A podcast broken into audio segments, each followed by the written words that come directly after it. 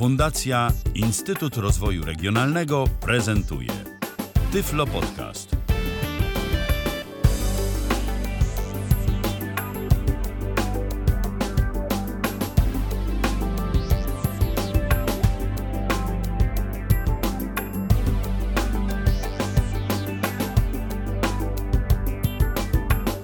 Dobry wieczór. Witam serdecznie w kolejnym odcinku Tyflo Podcastu. E, jak zwykle bardzo się cieszę, że zechcieli Państwo spędzić e, czas w naszym towarzystwie. Nie ukrywam, że dzisiaj e, liczę szczególnie na obecność i uwagę posiadaczy, tudzież osób rozważających posiadanie psa przewodnika. Z tego też powodu mm, Oczywiście będę zachęcała Państwa e, do kontaktu. E, dzisiaj z Państwa i moim gościem, którym jest Klaudia Nowak. Witaj, Klaudio. Witam serdecznie. E, witam. Będziemy rozmawiać o akcesoriach niezbędnych posiadaczom psa przewodnika. Oczywiście mm, porozmawiamy o akcesoriach z takich działów jak żywienie, sen, zabawa i stymulacja. E, z całą pewnością e, nie omówimy wszystkich akcesoriów, jakie można posiadać dla psa, bo temat byłby przeogromny. Natomiast mm, jeśli jakiś... Natomiast jakichś, jeśli będą Państwo chcieli się podzielić jakimiś refleksjami, tudzież opowiedzieć o jakichś fajnych e, akcesoriach, inteligentnych zabawkach, e, rozwiązaniach, które sprawdziły się w przypadku Państwa piesków, to bardzo serdecznie e, zachęcam do kontaktu. Można do nas dzwonić pod stacjonarny numer telefonu 123 834 835. Tak jak mówię, zapraszamy. Do, cóż, ponieważ do omówienia mamy całkiem sporo, E, kwestii, to może przejdźmy e, do naszego tematu. E, to może zacznijmy od żywienia i zdrowia naszego psa. Co ewentualnie w kwestii naczyń, z których będziemy karmić naszego psa, możesz na ten temat powiedzieć? Mm, bardzo dużo jest rodzajów tych akcesoriów, w sensie mm, żywieniowych, z których mhm. mogą jeść nasze psy ale my na przykład stosujemy miski na stojaku. E, są to miski, które są na takim podwyższeniu metalowym. Mam wrażenie, że nie tylko mojemu psu przewodnikowi, ale również e, drugiemu naszemu psu lepiej się je z takich misek niż z takich, które stoją na podłodze. Ale oczywiście akcesoria trzeba dopasować do swojego psa, jak i do siebie, to co jest po prostu dla nas wygodniejsze. Mhm. Ja tutaj w kwestii tych misek ze stojakiem pozwolę sobie dodać, że one są też zdrowsze dla psa, dlatego że jeśli pies jest wysoki i jest takiej miski stojącej na ziemi, to po prostu w trakcie jedzenia e, wciąga jakby do żołądka mnóstwo powietrza. I e, to może powodować, e, no nazwijmy to dyskomforty później w trakcie trawienia tego pożywienia, więc e, w przypadku psów, że tak powiem, takich długołapych, wysokich, te stojaki mają też wpływ na zdrowie psa. A z misek, z jakiego materiału korzystasz w przypadku Twojego psa i co możesz też powiedzieć w tej kwestii odnośnie ich doboru? Mm, my mamy miski metalowe, mhm. właśnie na met metalowe miski na metalowym stojaku. Mhm. które u nas bardzo fajnie się sprawdzają. Są łatwe w utrzymaniu czystości, w czyszczeniu w ogóle nie mamy z tym żadnych y, jako takich problemów. A czy spotkałaś się e, z takimi sugestiami, żeby e, na przykład w przypadku psów e, alergików wybierać raczej miski ceramiczne, dlatego że z nich jakby najmniej tych alergenów pies mm, jakby wchłania w trakcie jedzenia? Myślę, że coś w tym jest, chociaż osobiście nie spotkałam się za bardzo z takim mhm. e, czymś.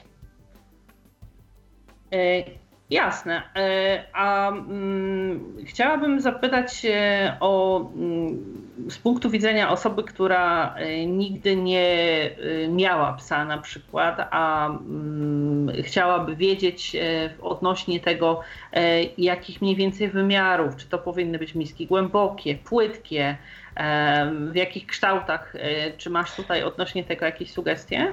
E, na pewno okrągłe miski, na pewno miski głębokie, dlatego że większością przewodników są retrievery. A jak wiemy, retrievery strasznie chlapią, pijąc. Mhm. I myślę, że czym płytsza miska by była, tym bardziej by pies rozchlapywał tą wodę. Mhm. Oczywiście przy miskach głębokich też nie uniknie się rozchlapywania wody, bo są psy, które biorą wodę w pyski i idą po prostu im kapie z tego pyska. I po prostu zależy od psa, no, ale myślę, że mniejsze ryzyko jest rozchlapywania nawet y, wody, jak i wyrzucania pożywienia poza miskę mhm. przy miskach głębszych.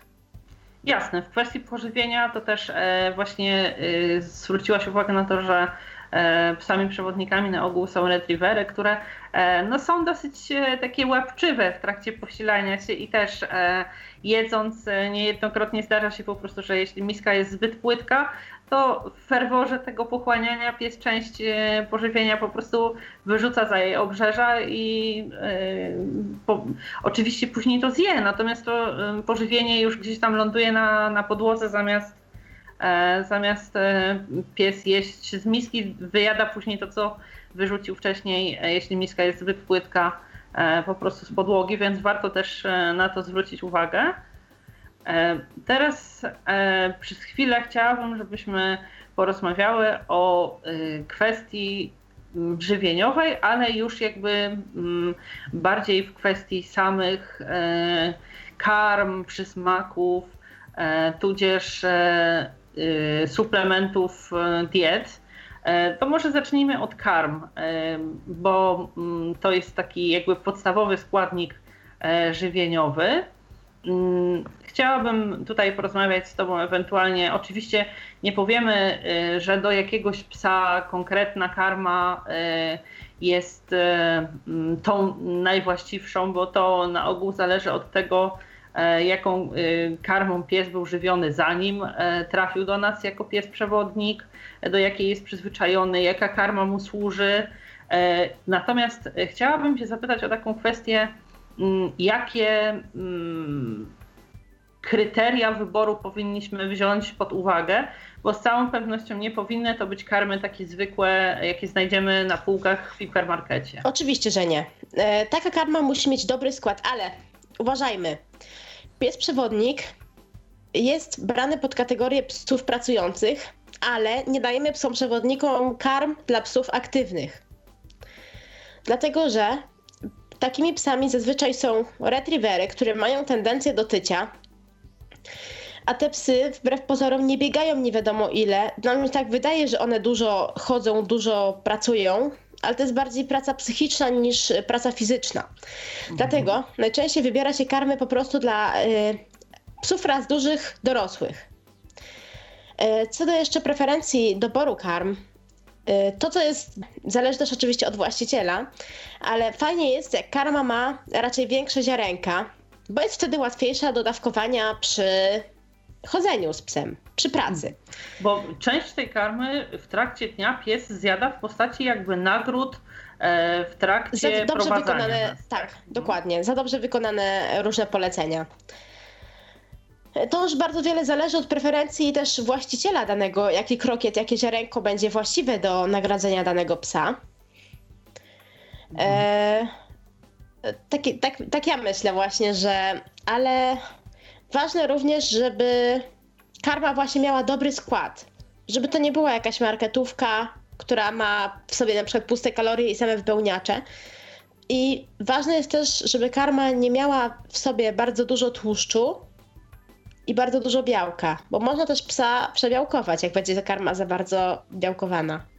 Mhm, rozumiem. Y, raczej powinniśmy się decydować y, na karmy suche, dlatego że one, to znaczy nakarmy po, po pierwsze gotowe, dlatego że one są już prawidłowo zbilansowane. Oczywiście mówimy o tych dobrej jakości karmach. Oczywiście. I osobie, która przygotowuje, mm, chciałaby na przykład przygotowywać pożywienie dla psa w domu sama, bardzo trudno będzie z taką dokładnością ten bilans dopasować. Oczywiście E, zawsze gdzieś tam po stronie zwolenników karmienia e, psów takimi karmami mm, przygotowywanymi w domu, posiłkami przygotowywanymi w domu, będzie to, że po prostu od początku do końca wiemy, co pies je. Natomiast myślę, że e, przy karmach tych producentów wiodących też nie musimy się obawiać, że w tej karmie będą jakieś rzeczy, które naszemu psu zaszkodzą, dlatego że są to na ogół na tyle E, renomowane firmy, że po prostu nie mogłyby sobie pozwolić na dodawanie e, do karm jakichś e, składników, które byłyby dla psa szkodliwe czy niezdrowe, tak? To jedna rzecz. A druga rzecz, że ciężko by było osobie, która ma psa przewodnika, później mhm. dawać jej psu to jedzenie podczas pracy. Oczywiście, Takie bo jak e, trudno by sobie było wyobrazić, że miałaby, nie wiem, zabierać jakąś część tych porcji, e, nie wiem, jakiegoś ryżu z mięsem Dokładnie. czy z warzywami i po prostu e, to by nagradzać po prostu. Mhm. E, myślę, że też e, warto zwrócić uwagę e, na to, o czym powiedziałaś, że nie powinny być te karmy ze zbyt dużą ilością tłuszczu, też w kontekście podawania przez opiekuna psu y, właśnie tej karmy w formie nagród gdzieś tam w trakcie pracy na zewnątrz, bo po prostu te karmy, jeśli są bardzo tłuste, strasznie brudzą ręce i, i one są też e, takie jakby niekomfortowe w tym praktycznym aspekcie podawania e, psu jako nagrody, tak? Dokładnie, bo bardzo mm, takie karmy, zwłaszcza jak jest ciepło na dworze, te, te karmy bardzo mm, brudzą ręce, po prostu później wszystko jest takie tłuste od tego jedzenia. Mhm. Od, no i tak niezbyt to komfortowe jest dla właściciela takiego psa, e, który Warto... po prostu podaje. E, jasne. E, warto też zwrócić uwagę na zapach tych karm, dlatego że po prostu karmy, które posiadają w swoim składzie jakieś dodatki rybne, no mają ten zapach taki bardziej odstręczający i intensywny. Dokładnie. Gdzie podawanie właśnie tej karmy w jakichś miejscach publicznych. Przecież podajemy e, tą karmę za dobrze wykonane polecenia, niezależnie od tego, czy jesteśmy w autobusie, w urzędzie, e, gdzieś tam chodząc e, do sklepu i tak dalej. Więc też myślę, że karma taka, która będzie miała ten zapach mniej taki intensywny, będzie po prostu lepsza i taka bardziej użyteczna w tym akurat kontekście. Chciałabym Cię zapytać teraz o kwestie związane z mm, przysmakami, bo oczywiście można nagradzać psa karmą, ale e, można też e, jakimiś przysmakami. E, jakie ty preferujesz, na co też powinniśmy zwracać uwagę przy, przy wyborze? Czy to powinny być takie bardziej ciastka? Jeśli tak, to w jakich sytuacjach bardziej takie mięsne, treściwe przekąski, w jakich sytuacjach ogólnie, co sądzisz na temat e, przysmaków i e, jeśli ktoś w przyszłości miałby mm, rozważać wybór takich nagród dla swojego psa, co ewentualnie mm, można zasugerować do wzięcia pod uwagę? Mm, tak naprawdę jest bardzo dużo rodzajów, różnego rodzaju przysmaków. Mhm. Są ciastka, które są twardsze. Dużo jest takich różnych półwilgotnych na przykład przysmaków, które nawet można, mm, biorąc karmę, wziąć na przykład trzy takie przysmaki i po prostu ta karma cała przejdzie zapachem tych przysmaków i już pies ma coś innego. Mhm. Więc tak naprawdę można dobrze pokombinować i fajnie, żeby pies miał coś ekstra, nie, nie pasąc go, że tak się wyrażę. No bo trzeba pamiętać o tym, że labradory są, znaczy ogólnie retrievery są psami e, tendencyjnymi do tycia. I trzeba patrzeć pod względem takim, żeby te przysmaki nie były zbyt kaloryczne. A jeśli są, to musimy wtedy odejmować od dziennej porcji jedzenia psa żeby po prostu nie przesadzić z tym wszystkim i żeby później nie mieć problemu i nie musieć odchudzać psa. Mhm. E, ja na przykład lubię dawać mu bardziej twardsze takie ciasteczka. Znaczy w sumie zależy też, ja patrzę trochę pod psa. Po prostu patrzę, co mu bardziej pasuje, za czym bardziej szaleje. Bo każdy pies jest inny i każdy pies będzie szalał za czymś innym.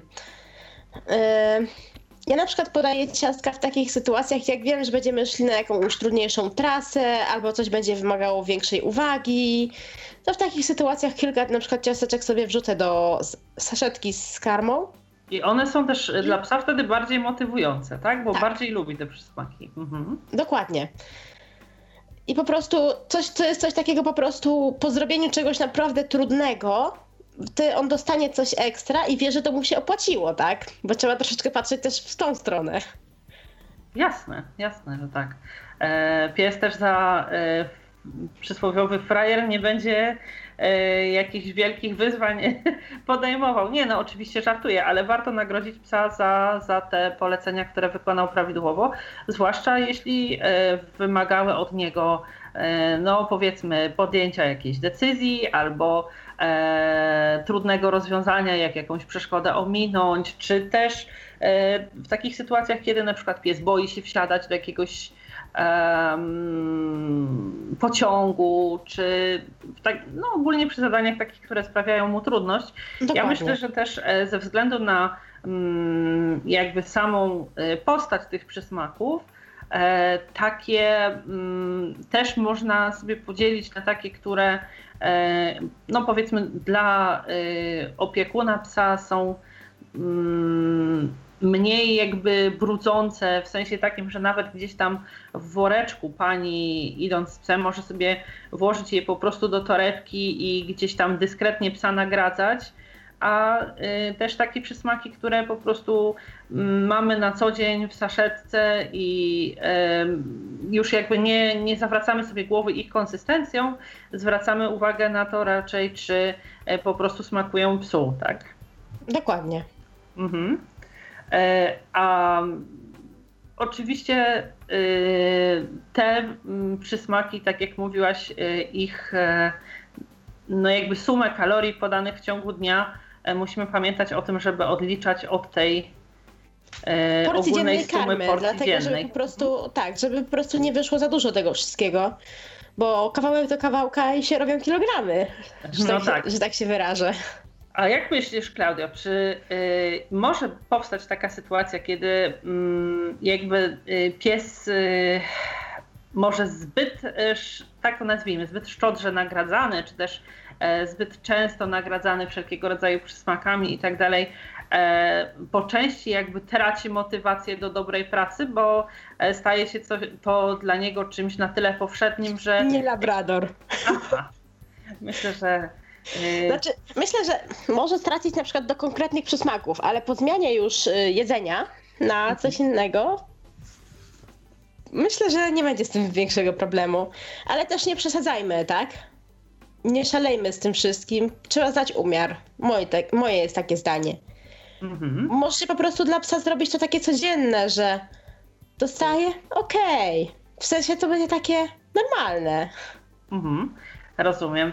E, chciałabym Cię zapytać teraz o kwestię suplementów, bo e, rynek suplementów wszelkiego rodzaju jest e, tak szeroki, że nie tylko suplementy dla ludzi są dostępne na rynku, ale również wiele różnego rodzaju suplementów dla zwierząt, w tym oczywiście dla psów.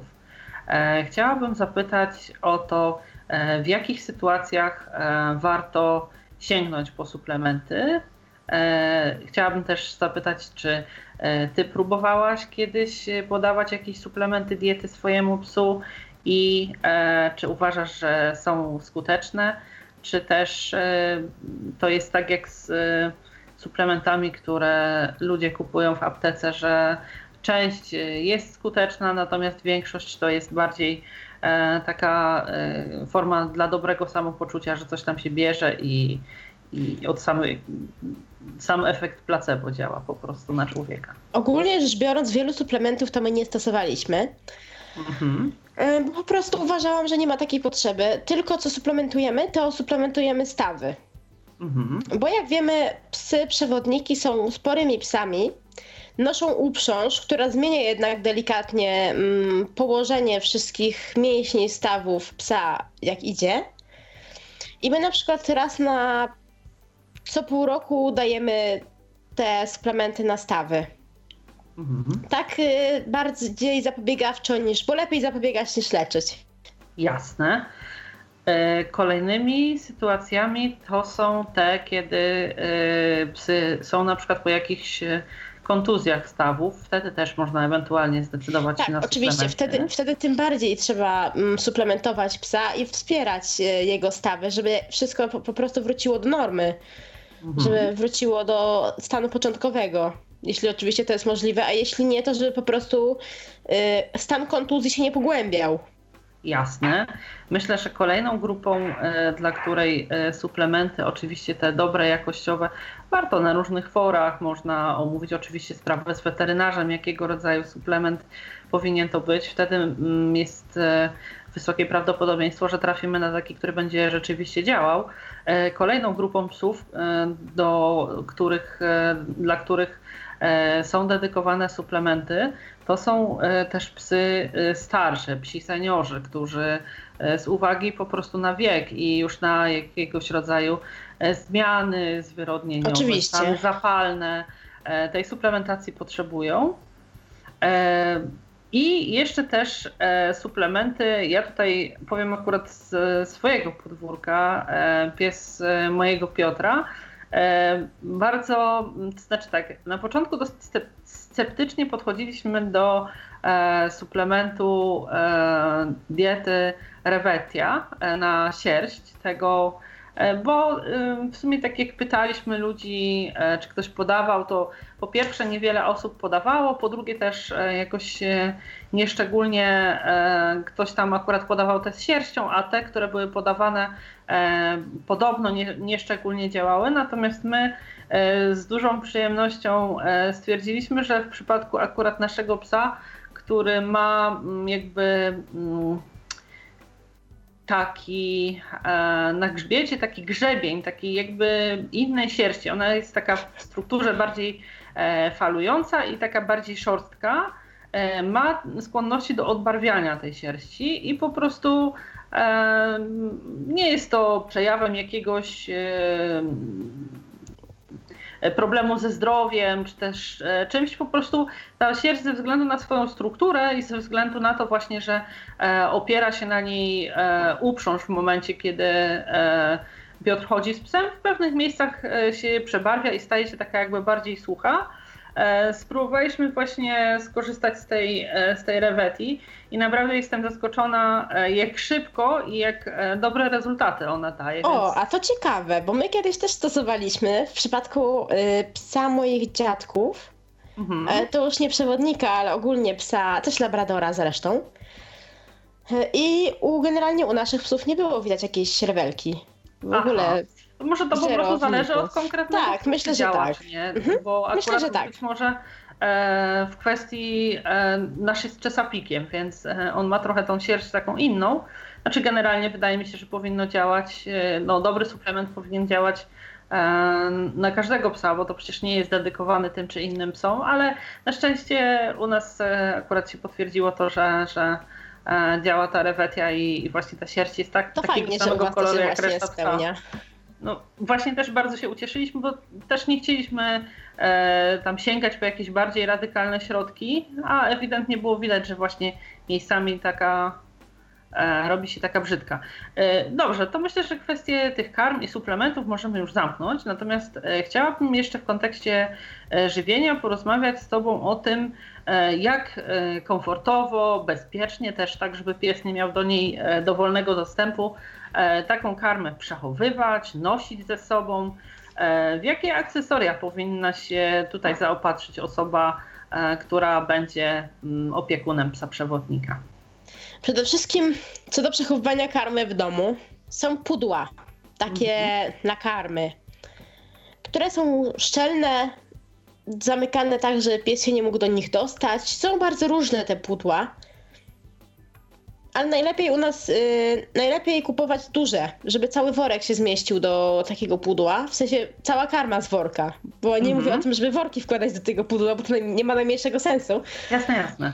Ale y, żeby po prostu cała karma się zmieściła, wtedy jest szczelnie zamknięta, wtedy mamy też y, informację, ile nam jedzenia zostało, chciałam Cię, Klaudia, zapytać o coś takiego, bo przy wyborze tego pudła e, to warto wziąć pod uwagę worek, jaki kupujemy i ciut jeszcze. Tak. Dlatego, że nie czekamy do ostatniego dnia najczęściej z zamówieniem nowej karmy, aż skończy się stara, tylko po prostu, jeśli jeszcze trochę tej starej jest i kupimy dokładnie na styk pudło, na przykład na 15-kilowy worek, to po prostu nie zmieści się nam cała, więc jak e, kupujemy większe pudło niż zwykle zamawiamy worki karmy, wtedy nie ma problemu na bieżąco też trzeba powiedzieć, Też mhm. trzeba powiedzieć taką rzecz, że 15 kg jednej karmy, a 15 kg drugiej karmy po mhm. przesypaniu do wiadra będzie wyglądało inaczej. Tak. My mamy y- pudło akurat 20-kilogramowe, więc nie mamy z tym problemu, ale... My też właśnie. Y, tak, więc y, my nie mamy na szczęście z tym problemu, ale można fajnie zauważyć tą różnicę, jak się kupuje właśnie jedną karmę, a potem się kupi coś innego, że mm, bardzo duża jest różnica rozpiętość, więc nie kupujmy pudeł na styk, bo to się mija z celem. Mhm. E, to jest e, też e, wybór takiego pudła ma dwie takie, myślę, że zgodzisz się ze mną, dosyć duże zalety. Po pierwsze, przez to, że jest szczelny, nie przedostaje się do tej karmy wilgoć i ona po prostu nie jączeje. E, a druga kwestia to jest taka, że tą karmy dla psów pachną jak karmy dla psów. I no tak. E, jeśli mamy tej karmy dużo i miałaby stać w worku, e, no to mm, myślę, że bardzo szybko zaczęlibyśmy szukać jakiegoś rozwiązania, tak. dlatego że ten zapach po prostu po pierwsze czuć przez cały czas, a po drugie są na tyle intensywne, że w zasadzie nie da się go ignorować gdzieś e, w pomieszczeniu. Zwłaszcza, zwłaszcza jeśli na przykład ktoś jak ja ma mm, pudło z karmą u siebie w pokoju, gdzie mhm. się śpi. Jasne. E, my też trzymamy pudło w jednym z pokoi, dlatego że jest po prostu na tyle duże, że generalnie trudno byłoby je schować do jakiejś szafki a też nikt e, nie będzie chodził za każdym razem, powiedzmy, nie wiem, gdzieś do piwnicy, żeby e, z pudła dobrać karmę, więc e, na trzymanie karmy w domu jest to bardzo dobre rozwiązanie. Dokładnie. Myślę, że warto tutaj podpowiedzieć jeszcze jedną kwestię. Jeśli mamy to pudło w miejscu, w którym żeby nasypać psu karmy, nie wystarczy go otworzyć, tylko musimy je wysunąć. Warto rozważyć zakup pudła na kółkach, prawda? Prawda bo wtedy po prostu zamiast Jest dźwigać, wygodniej. swobodnie sobie przesuwamy i, i wyjmujemy, e, wyjmujemy z niego karmę. E, oczywiście przechowywanie e, karmy to e, jedna kwestia, a kolejna to e, miejsca czy też pojemniki, w których e, nosimy tą karmę po to, żeby e, psa w trakcie aktywności, w trakcie jego pracy nagradzać. E, czy coś tutaj w tej materii możesz e, naszym słuchaczom powiedzieć? Oczywiście. Są generalnie tak podstawowo dzieląc, są dwa rodzaje saszetek takich na karmę dla psów. Jeden rodzaj to są saszetki przypinane na przykład na klipsa do spodni. Mhm. bądź na przykład dopinane do paska od spodni, bo często jest tak, że te sklipsy mają jeszcze szlufkę taką, żeby można było na przykład zapinając pasek, pasek przeciągnąć przez nią. Tak? Przeciągnąć, tak. tak.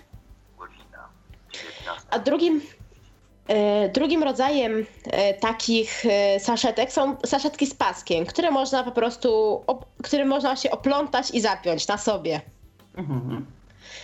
My akurat stosujemy saszetkę, która jest przypinana do spodni, z możliwością wsadzenia tam paska od spodni. I u nas to się jak, jak na razie bardzo dobrze sprawdza. Też trzeba patrzeć, jak przy kupnie takiej saszetki, najlepiej patrzeć, żeby był metalowy klips, bo te plastikowe często pękają. Ten klip, którym mocujemy saszetkę tak. do, do paska. Mhm. Dokładnie. Y tutaj y myślę, że warto też powiedzieć o tym, że y te saszetki są dosyć proste do utrzymania w czystości, dlatego że one są z materiałów takich, e, no jakby to nazwać, ortaliono podobnych, podobnych jakichś takich, e, które bez żadnego problemu można po prostu wypłukać, wyprać i, i nie ma z tym żadnego problemu, żeby ta saszetka zawsze była czysta. To znaczy, chodzi mi głównie z zewnątrz, tak? Bo w środku wiadomo, że jak tylko wsypiemy do niej karmę, no to, to już, już będzie tam pełno tych okruszków i po prostu ta karma jest w środku. Natomiast chodzi mi o to, żeby z zewnątrz, bo też otwieramy ją, zapinamy i e, ona się brudzi też od zewnątrz. Można raz na jakiś czas spokojnie sobie ją, e, sobie ją przebrać. My na przykład mamy saszetkę dwuwarstwową. Ten ortalion, o którym mówisz, jest w środku, mhm. a na wierzchu jest taki jakby nylon, jakby coś taka chropowata generalnie tkanina, tkanina którą też się łatwo utrzymuje w czystości. Mhm. E, ale przy okazji to daje nam to, że nam nie zmoknie całe jedzenie. Tak. E, na to też e, warto zwrócić uwagę, bo przecież przy różnej pogodzie chodzimy z psem. Nie zawsze też mamy szansę, żeby jakąś kurtką czy czymś, jeśli pada, tą, tą saszetkę przykryć, więc myślę, że to, o czym powiedziałaś, na pewno jest bardzo ważne, bo no, takiej rozmokniętej karmy no nie fajnie jest po prostu podawać psu, jeżeli ona byłaby namoknięta przez cały E, gdzieś tam czas, kiedy jesteśmy z psem e, na spacerze czy też w pracy, tak? Dokładnie. Co więcej, jak mamy tą dwuwarstwową, to na przykład po tym, jak e, wysypuje resztę, została nam z karmy tej, co chodzimy, później psu do miski, można ładnie i łatwo te okruszki, które zostały w środku wytrzepać. Czyli tak naprawdę na drugi ranek mam czysty ten ortalion, bez żadnych okruszków, bez żadnych mhm. tam drobiazgów. Bo rozumiem, że tą środkową część wywracasz po prostu na tak, nicę i dokładnie. do e, ostatniego tak. okruszka spokojnie można e, wytrzepać. E, kolejne kwestie to są związane z karmieniem psa gdzieś, gdzie jesteśmy poza domem, gdzieś, kiedy jesteśmy w podróży. Oczywiście też zabieramy ze sobą karmę i po to, żeby psa nagradzać, i po to, żeby e, jeśli zostajemy gdzieś poza domem dłużej, pies po prostu y, mógł dostać swój normalny posiłek i to w kontekście pożywienia. I oczywiście e, pies też musi mieć stały dostęp do wody. E, I tutaj jakie akcesoria, nazwijmy je tak kolokwialnie, podróżne mogłabyś zaproponować? Po pierwsze, niska. Są mhm. bardzo wiele jest rodzajów misek. Są zwykłe silikonowe, są z jakichś tam grubszych materiałów, są ortalionowe, na przykład zapinane na jakieś napy. Czyli My mówimy o miskach składanych, tak? tak które o miskach nie takich zajmują nam składanych. miejsca, tak. a możemy normalnie ich używać. Mhm. My na przykład używamy, kiedyś w Biedronce były takie miski, e, takie dość solidne, też składane, ale to nie jest silikon, to jest jakaś taka guma chropowata. Nawet nie wiem do końca, jak mam to opisać.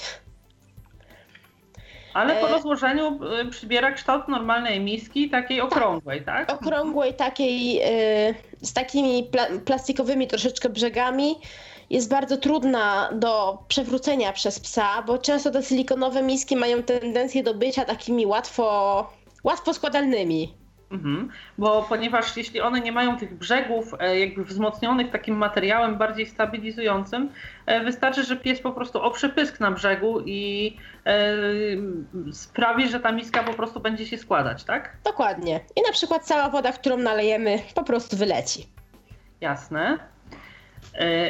I czy tych misek, o których wspomniałaś, używasz i do karmienia, i do pojenia psa, czy tylko Tak, dlatego że jakoś nie, nie przypadły nam obojgu do gustu te jakieś składane bidony z miskami. Mhm. Y, po prostu ja, ja wolę wziąć małą butelkę normalną z wodą plus tą miskę i mamy sprawę załatwioną.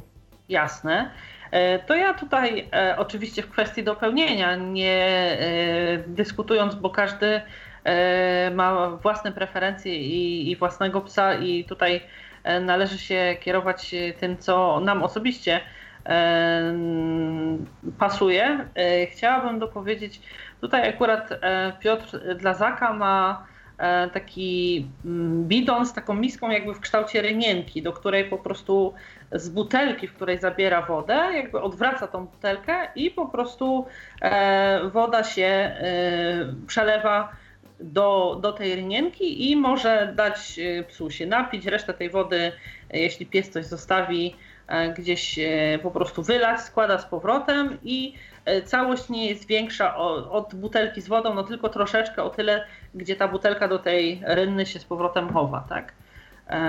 To jest też... Też próbowa próbowaliśmy tego, ale jakoś, mhm. jakoś mój pies nie za bardzo chciał po prostu z tego pić.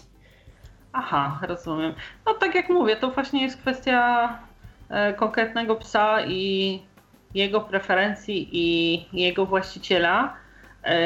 E, to myślę, że tutaj e, tymi propozycjami związanymi właśnie z tymi akcesoriami podróżnymi możemy mm, zamknąć temat związany z żywieniem czy też suplementacją psa.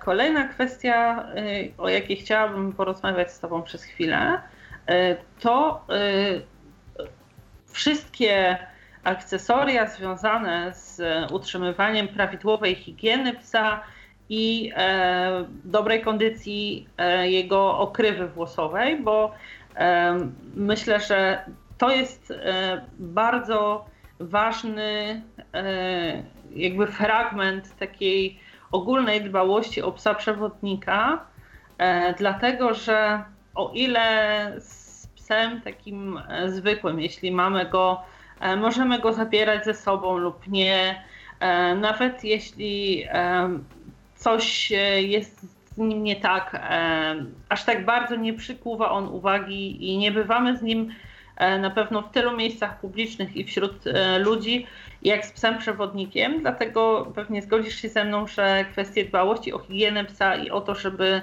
E, po prostu należycie zdrowo ten pies wyglądał, e, był zawsze czysty. Widać e, na pierwszy rzut oka, że pies jest zdrów i że jest po prostu zadbany. Te kwestie właśnie związane z higieną i należytą dbałością o prezencję naszego psa są bardzo ważne. Oczywiście.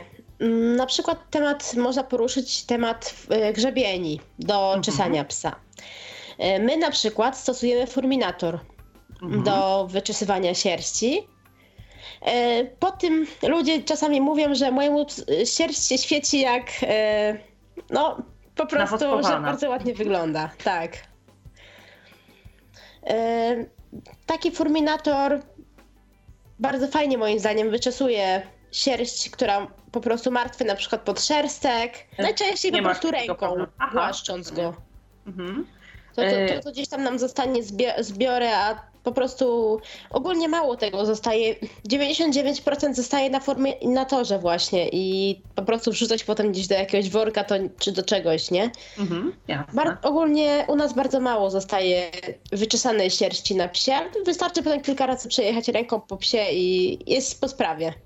Jasne. E, myślę, że tutaj należy też zwrócić uwagę na to, że e, furminatora należy używać bardzo umiejętnie, dlatego że te końcówki, e, które mm, jakby zagłębiają się w e, sierść psa, e, są dosyć ostre i naprawdę trzeba wiedzieć, jak tego furminatora używać, żeby psu nie zrobić krzywdy. I też oczywiście należy zwracać uwagę na to, że wyczesujemy psa furminatorem tylko do momentu po prostu, kiedy ta sierść martwa wychodzi.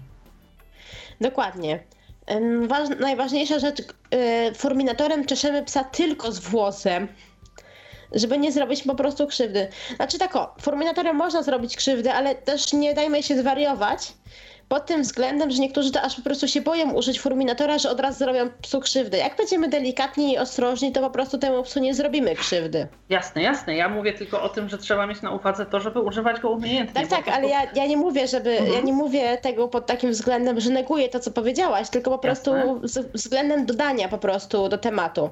Jasne. Myślę, że warto zapytać po prostu kogoś, kto y, używa albo kto wie, jak używać. Może to być y, na przykład groomer, do którego chodzimy z psem do kąpieli, y, czy też osoba, która właśnie na co dzień korzysta.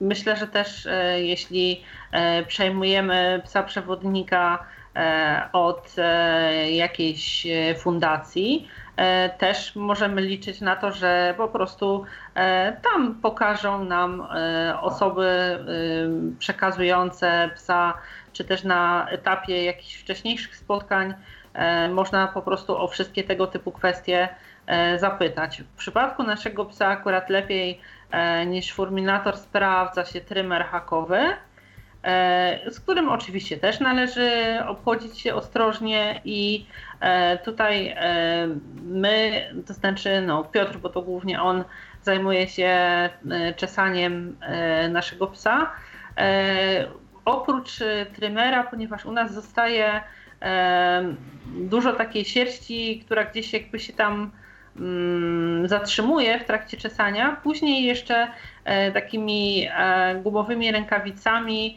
po prostu zbiera tą sierść, która jakby wyszła, y, ale gdzieś tam na, na pomiędzy tymi włosami zdrowymi część jeszcze pozostała, tak?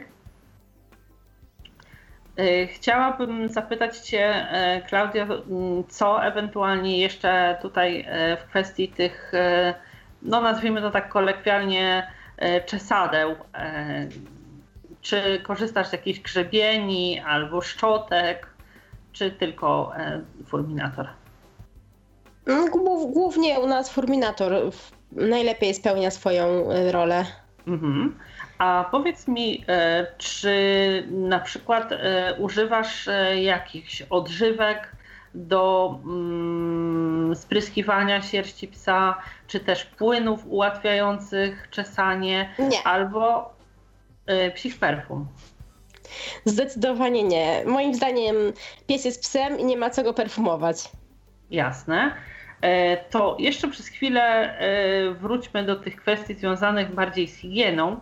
E, czy ty kąpiesz swoje psy u siebie w tak. domu, czy mhm.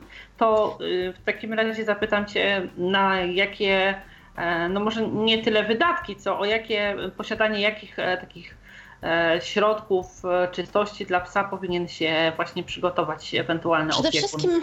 Przede wszystkim szampon. Mhm. Najlepiej szampon dla psów.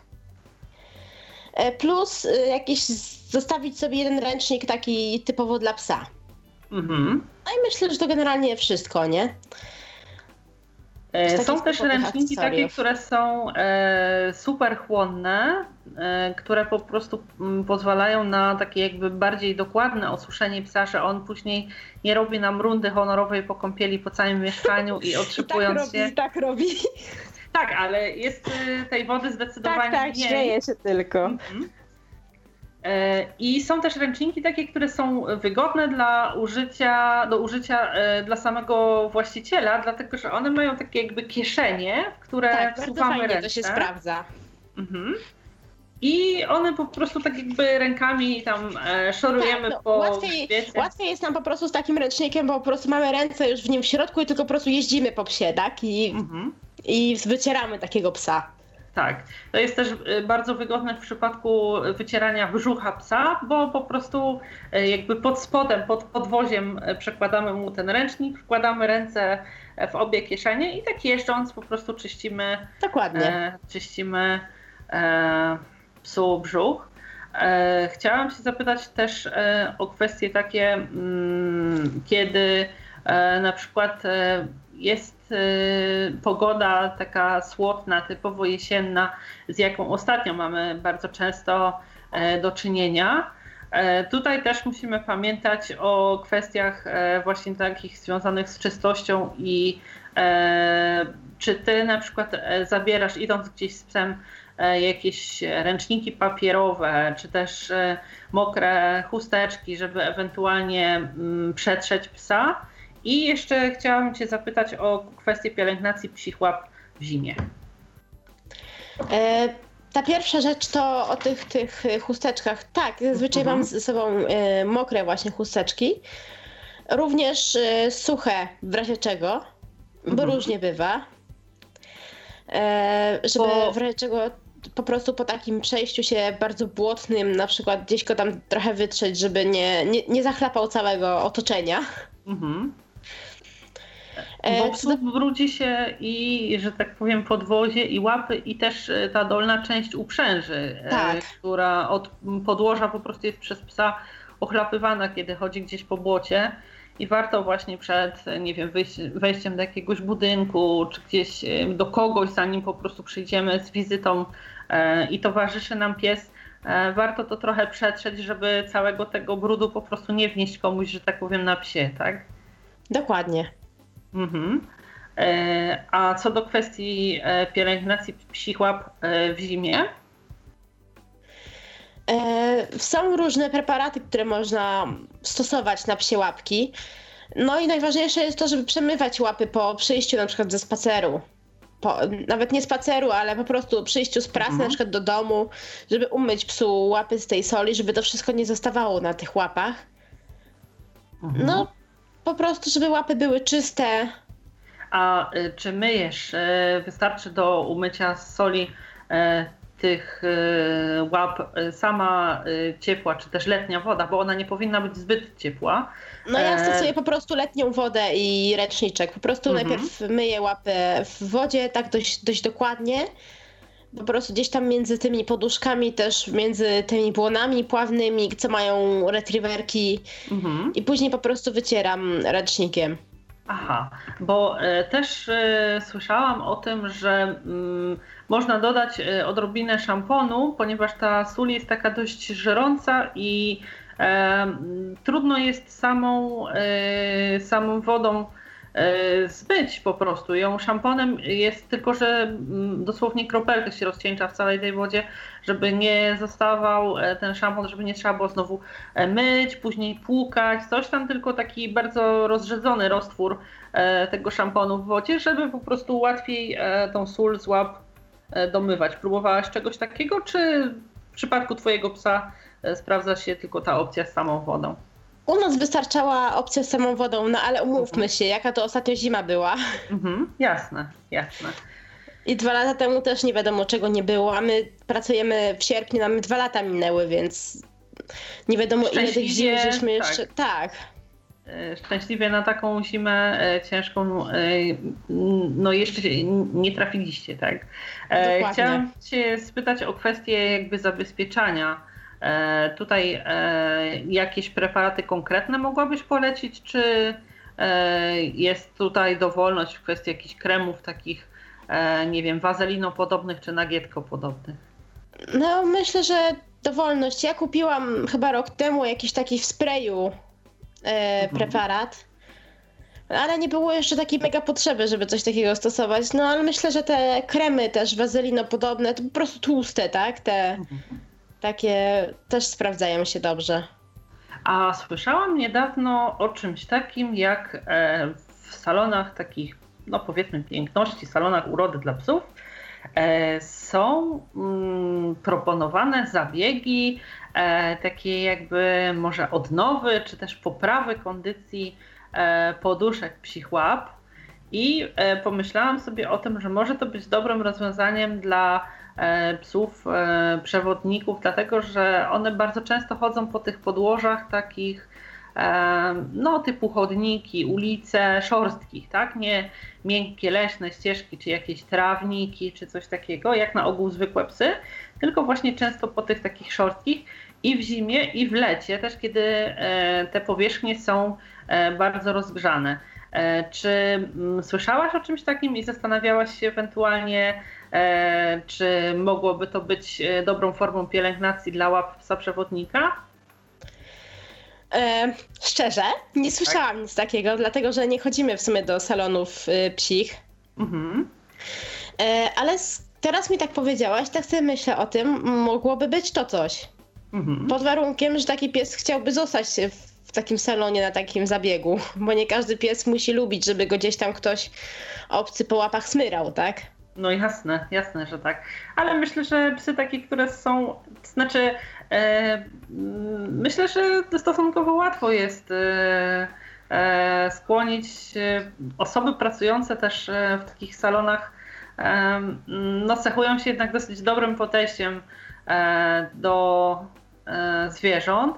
My tutaj, nasz poprzedni pies chodził regularnie, ale on był po prostu przyzwyczajony od właściwie szczeniaka do takich wizyt. Natomiast zastanawialiśmy się właśnie, jak e, będzie wyglądała e, sprawa z tym psem, który, którego obecnie ma Piotr jako przewodnika.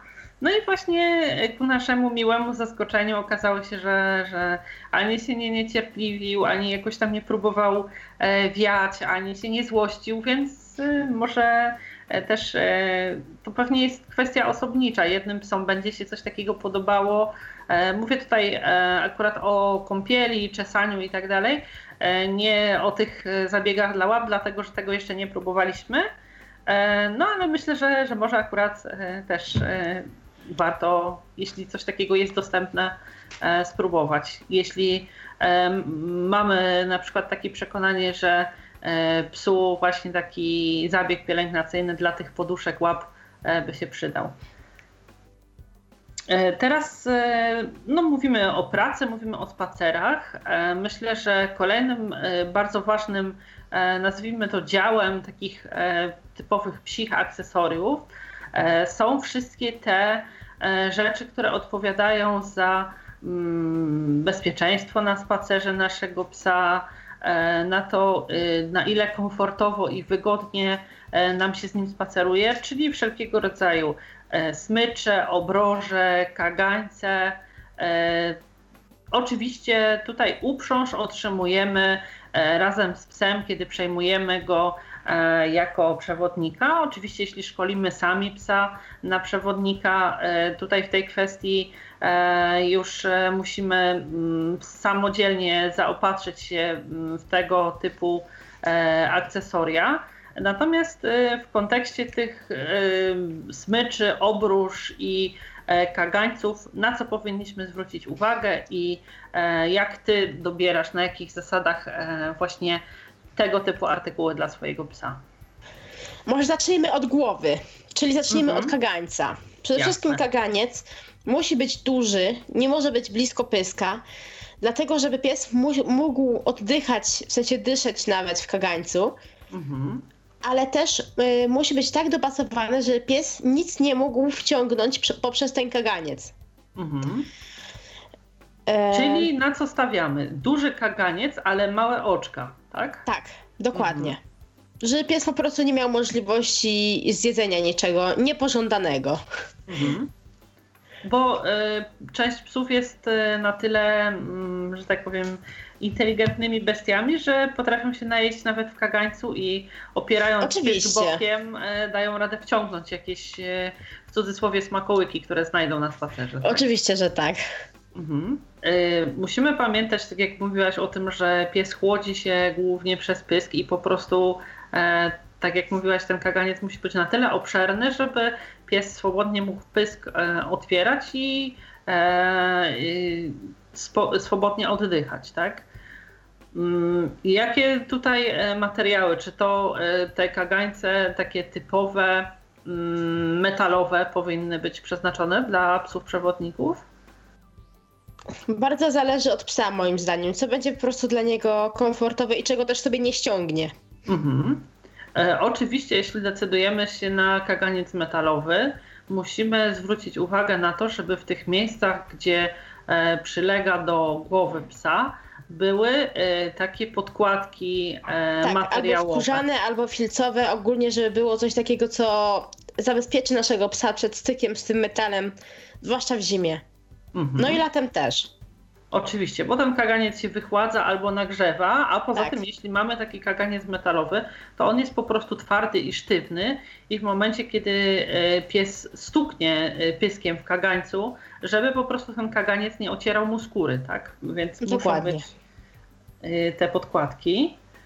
Dobrze, to zaczęliśmy od łba, to idźmy dalej. Przejdźmy dalej i zacznijmy mówić o obroży. Mhm. To jest generalnie tak, że zależy, co jest po prostu wygodne dla danego psa i danego właściciela. Chociaż taką podstawową zasadą jest to, że czym węższa obroża, tym łatwiej korygować psa. Czym węższa, tak? Czym węższa, dlatego że e, czym szersza obroża, tym mniej ten pies poczuje nasze po prostu szarpnięcie. Mhm. Więc y, musimy po prostu sobie tak mniej więcej wy, wymierzyć, co będzie po pierwsze estetycznie i ładnie wyglądało na psie, mhm. ale co będzie dla nas wygodne i łatwe na przykład do skorygowania psa za niepożądane zachowanie, bo nie chcemy przecież kupić psu na przykład, nie wiem, 5-centymetrowej obroży czy 6 i potem szarpanie się z nim, tak? Bo pies nie będzie rozumiał o co nam chodzi. E, I ty mówisz o tym, e, że im węższa obroża, nie masz na myśli obwodu, że im bardziej dopasowana, tylko im węższa nie, nie. jakby w szerokości węższa, tego paska. Y, tak, tak, mhm. tak, tak. Jeszcze taka rzecz jest jedna, mogą być obroże półzaciskowe lub y, takie zwykłe.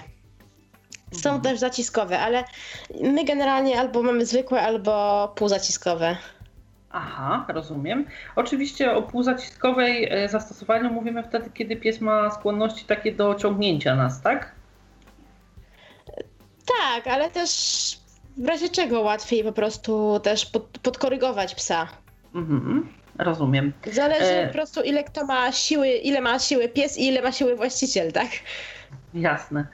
E, tutaj e, też e, taką ważną kwestią jest to, żeby że bardzo wygodne w użyciu są obroże, które mają osobno regulację szerokości obwodu, a osobno zapinanie, dlatego że możemy sobie taką zapinaną na klik obrożę bardzo łatwo zakładać i zdejmować, natomiast gdzie indziej mamy jakby te dziurki do, do regulacji E, samego obwodu. Nie musimy za każdym razem e, pamiętać i trafiać, która to dziurka była, żeby e, była to obroża na tyle dopasowana, żeby nasze sygnały były dla psa czytelne. Tak? Dokładnie. Generalnie mówi się tak, że pomiędzy szyją a obrożą powinny zmieścić się trzy palce. Mhm. Wtedy obroża jest na tyle Dobrze blisko ciała psa, że rozumie, tak. a nie jest też zbyt ciasna, tak? Dokładnie. Warto też e, pomyśleć o tym, żeby ta obroża była ze stosunkowo dobrej jakości materiału, e, żeby po prostu e, nie odparzała nam skóry psa, nawet jeśli pies po prostu nosi ją przez cały czas. Kolejna kwestia to, czy mm, masz, czy też chciałabym się dowiedzieć, co sądzisz na temat obróż odblaskowych, dlatego że w momencie, kiedy na przykład e, idziemy z psem na spacer i na ten spacer fizjologiczny, kiedy nie ma założonych ani szorek, ani żadnych innych elementów odblaskowych, e, no ponieważ e, my nie widzimy, musimy się postarać o to jakoś, żeby pies był widoczny dla innych osób, które chodzą, jeżdżą i tak dalej. Czy myślisz, że dobrym rozwiązaniem jest e, w tym przypadku obroża i smycz e, właśnie w takich odblaskowych kolorach? My na co dzień stosujemy właśnie obrożę w odblaskowych kolorach. Mhm. E, taką z nicią odblaskową właśnie, szytą. Mhm. Ale jeśli wiemy, że idziemy późno na spacer, albo mhm. późno gdzieś nawet idziemy, pracujemy, ja mam dwie obroże LEDowe, takie mhm. świecące. Jedną zakładam na szyję psu, a drugą zakładam na pałąk pod napisami. Aha, rozumiem. Ostatnio miałam taką, znaczy nie ostatnio, jakiś czas temu miałam taką fajną sytuację. Szłam sobie właśnie z psem swoim. To była taka szarówka jakaś już. Tak szarówka pod ciemnawo nawet. I szliśmy sobie i na drugi dzień dzwoni do mojej mamy jakaś tam jej koleżanka, mówi no, yy, widziałam twoją córkę z psem, a moja córka myślała, że to policja z psami idzie. Aha. Bo myślałam właśnie w kontekście tych odblaskowych elementów, tak? Tych świecących, bo mhm. odblask na obroży to jest jedno. Mhm. E, ale wtedy ja szłam akurat na tych LEDowych obrożach. E. To nie są odblaskowe, tylko to są stricte świecące tak. obroże. Rozumiem. E, to znaczy tutaj akurat e, jeśli chodzi o przykłady z naszego podwórka, E, to ma e, Piotr taki komplet e, obroże i smycz, które są w takim zielonym, odblaskowym kolorze.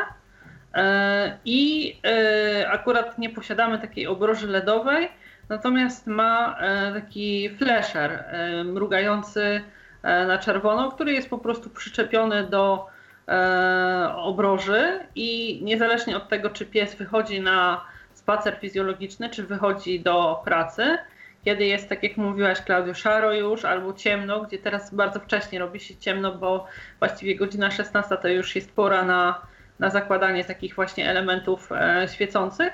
Po prostu idzie mm, z psem Piotr i pies ma przyczepiony właśnie ten flasher i on sobie po prostu mruga. To jest tania rzecz. Wystarcza na. No, oni w tej chwili z tym flasherem, którym mają, chodzą już drugi miesiąc praktycznie. Mm, on oczywiście z czasem troszeczkę słabiej świeci, bo, bo, gdzieś tam się wyczerpuje ta bateryjka, która, która jest w środku, ale generalnie świeci na tyle, że bez problemu i przechodnie, i, i kierowcy e, też e, z daleka po prostu widzą psa i zwracają e, na niego uwagę. Co więcej, właśnie e, o ile w dzień e, większe zainteresowanie budzi E, ten e, napis i te odblaskowe szorki, o tyle wieczorem e, właśnie tam bardzo tak entuzjastycznie ludzie odnoszą się do tego, że pies jest zaopatrzony w taki w taki flasher. I to są oczywiście miłe rzeczy, natomiast tak jakby kluczową sprawą tutaj jest bezpieczeństwo nasze i naszego psa, bo w momencie, kiedy mm, na przykład gdzieś na chodniku czy na przejściu e, oświetlenie jest słabe, mm, ktoś, kto idzie z psem właśnie zaopatrzonym, czy to w taką obrożę, o jakiej e, ty Klaudio mówiłaś, czy też właśnie ten flasher, e, jest po prostu widoczny z daleka i, i to zdecydowanie podnosi bezpieczeństwo zarówno psa, jak i opiekuna tego psa. Oczywiście, my właśnie cały czas jak chodzimy, to mamy tam obrożę odblaskową, no a jak mhm. wieczorami gdzieś tam, to wtedy stosujemy właśnie tę y, LEDową, a jeśli nie, albo na przykład idę z psem na luzie, to jeszcze ja sobie zakładam opaskę odblaskową. Mhm. Nie odblaskową, ja. tylko właśnie taką też y, świecącą. Aha, rozumiem. Co nas e... jeszcze troszeczkę doświetla. Jasne. A y, chciałam się zapytać o kwestię taką, y, jak y, jakieś takie przyczepiane elementy odblaskowe, czy też kamizelki. Czy widziałaś coś takiego, czy też stosowałaś dla swojego psa? Czy te elementy świecące, które masz, uważasz za wystarczające i jakby nie zagłębiałaś się w temat tych innych odblasków? Wiem, że są, bo dużo osób mówiło, że są. Mhm. E, kamizelki na przykład się stosuje takie czerwone z odblaskami. Tylko na przykład to w przypadku szorek ma średni sens, jak ma się szorki. Mhm. Moim zdaniem. Bo jednak te odblaski gdzieś tam wtedy są pod szorkami, nie? Ukrywane. Jasne. Czyli bardziej sprawdza się to w momencie, kiedy wychodzimy z psem na tak. zwykły spacer. Mhm. Dokładnie. To mm, jeszcze y, w kwestii takich e, sygnalizacyjnych, e, bardziej dla nas samych, e, często, właściwie przeważnie, posiadacze, opiekunowie psów przewodników decydują się na przyczepianie do obroży takich dzwonków. Te dzwonki są najróżniejsze. Typowe dzwonki, dzwonki kocie, takie bardziej szemrzące niż dzwoniące Dlaczego y, opiekun psa, przewodnika powinien psu taki dzwonek zakładać i na ile jest to praktyczne rozwiązanie? E, dlaczego taki opiekun ma zakładać taki dzwonek? Bo po prostu po spuszczeniu psa dużo łatwiej jest takiego psa udźwiękowionego, tak? że tak się wyrażę, kontrolować. Po prostu łatwiej jest znaleźć nawet takiego psa. Mhm. E, my na przykład na co dzień mamy przyczepiony, na przykład, nie dzwonek akurat, ale adresówkę plus taką gwiazdkę, które mhm. bardzo fajnie e, dźwięczą, ale też nie są przeraźliwe. Bo na przykład e, ja nie, nie lubię takich bardzo przeraźliwych dźwięków mhm. i myślę, że mojemu psu jeszcze bardziej by to przeszkadzało niż mi. Mhm. Rozumiem. A musimy popatrzeć też na komfort psa. Jasne. Rozumiem osoby, które doczepiają te dzwonki y, takie na przykład mm, przeraźliwe bardziej w przypadku, kiedy pies biega na przykład luzem na dużym terenie. Ale na przykład y, jeśli psa się takiego zapina, to moim zdaniem taki dzwonek powinno się od, y, odczepiać. Jasne. Od razu. E, myślę, że też e, należy pamiętać o tym, żeby e, obroże z takim dzwonkiem, czy też sam dzwonek zdejmować na noc psu. O, dlatego, że w momencie, kiedy po prostu będzie się poruszał, za każdym razem jego ten dzwonek będzie wybudzał, nie mówiąc już o wszystkich domownikach, tak? Więc zdecydowanie nie zostawiamy. I tak jak mówisz, mi też się wydaje, że nie powinno być tych e, elementów dzwoniących zbyt wiele, albo nie powinny być e, te dźwięki o takim mocnym natężeniu, e, z uwagi na to, że psy mają bardzo wrażliwy słuch i tak naprawdę o ile nam te dzwonki mogą się wydawać no takie mm, powiedzmy sobie gdzieś tam na granicy komfortu, o tyle dla psa już niekoniecznie muszą takie być, tak? Znaczy moim zdaniem natężenie natężeniem, ale częstotliwość. Mhm, tak, częstotliwość, ale też y, to, że y, powinno się zwrócić uwagę na to, żeby te dzwonki też nie były takie bardzo głośne po prostu, bo no, można wybrać. Tych, tych dzwonków jest bardzo wiele i ja sama widziałam takie dzwonki, no po prostu e, głośne, a takie, które też tak ledwie szemrzą, po prostu są takie cichutkie, tak? Tylko, że na przykład ledwie szemrzącego dzwonka bez sensu jest przyczepiać, bo i tak jak pies się nam oddali, to i mhm. tak go nie usłyszymy, tak? Z takim dzwonkiem, który ledwo żyje, że tak się wyrażę. No tak, z jednej strony oczywiście tak, ale z drugiej strony, jeśli na przykład e, mamy na e, początku psa w domu i przyzwyczajamy się do jego obecności i psa tak, tak, ale ja teraz nie mam, nie mam na myśli mówiąc, yy, nie mam na myśli przebywania z psem w domu. Ja miałam mhm, teraz na jasne. myśli puszczanie psa w terenie, bo w jasne, domu to jest całkiem jasne. inna sytuacja. Wtedy tak, już tak. rozumiem te takie cichutkie dzwoneczki. To jest bardzo fajnie wtedy właśnie dla osoby zwłaszcza, która się przyzwyczaja do psa i pies do człowieka. Mhm. Wtedy to jest akurat bardzo adekwatne żeby człowiek mhm. wiedział, gdzie jest pies i po prostu łatwiej jest wtedy kontrolować takiego psa. Mi właśnie chodziło bardziej wtedy o teren. Jasne. Tak, tak. Ja y, nie w kontrze do, do tego, o czym mówiłaś wcześniej, tylko mówię, że te ciche dzwonki mogą być dobrym rozwiązaniem, kiedy e, na, w pierwszych dniach czy tygodniach e, przyjmujemy psa do domu, tak? Tak. E, kolejna rzecz w kontekście mm, bezpieczeństwa i komfortu naszego psa na spacerze to produkty związane z zabezpieczeniem go przed różnego rodzaju e, insektami typu pchły, kleszcze. Co tutaj e, powinnaś, e, to, co tutaj mogłabyś zaproponować i na co opiekunowie psów przewodników powinni zwrócić uwagę w trakcie wyboru konkretnego produktu? Tych produktów jest naprawdę dużo. Mhm. Są wszelkiego rodzaju krople, są obroże, są tabletki, nawet jakieś urządzonka się gdzieś mi kiedyś przemknęło w że I są. ciastka zabezpieczające z jakąś zawartością taką właśnie, tak. którą pies połyka i też są e, tak. podobno mają być zabezpieczeniem. Mhm. E, ja, my akurat stosowaliśmy krople na samiusieńkim początku. Potem była, następny etap była obroża, a w tym roku była tabletka. Mhm. E, dlatego tabletka w tym roku, bo stwierdziłam, że ten pies i tak ma tyle już tych rzeczy na sobie, że jeszcze następna obroża, to już po prostu jest dużo tych rzeczy na tym psie. Mhm. A jak sprawdzały się krople? To było jakoś zaraz po przyjeździe właśnie Miłka do mnie. No sprawdzały się, nic się do niego tam nie przyczepiło. Mhm. Ale osobiście wolę właśnie albo obroże, albo, y, albo tą tabletkę. Bo o tych Bo trzeba pamiętać czas... dość często właśnie. Tak, ale też inna rzecz jest, że po tych kroplach jakiś czas nie wolno tak za bardzo głaskać psa. No my też cały czas zakładamy szorki na tego psa, tak? To gdzieś tam się może po prostu zetrzeć z tego psa, moim zdaniem. Zwłaszcza mhm. na, mm, w początkowych dniach, bo tam nie pamiętam ile, ale chyba przez dzień czy przez coś nie można tak za bardzo go tam zaczepiać, nie? W tych miejscach, gdzie te krople były położone. Aha, żeby ich nie wycierać po prostu, tak? Żeby to się dobrze wchłonęło, czy jakoś tak? Rozumiem. Czyli mówisz, że y, w, w, Twoim przypadku akurat najlepiej sprawdziły się tabletki, ponieważ my y, naszego psa y, tutaj mamy od końca września, więc na tą część, że tak powiem, tego kleszczowego sezonu, która pozostała, spróbowaliśmy kropli, natomiast e, taką decyzję co do zabezpieczania właśnie na cały ten sezon wiosenno-letnio, początkowo-jesienny, e, no będziemy mieli kwestię do rozważenia w przyszłym roku.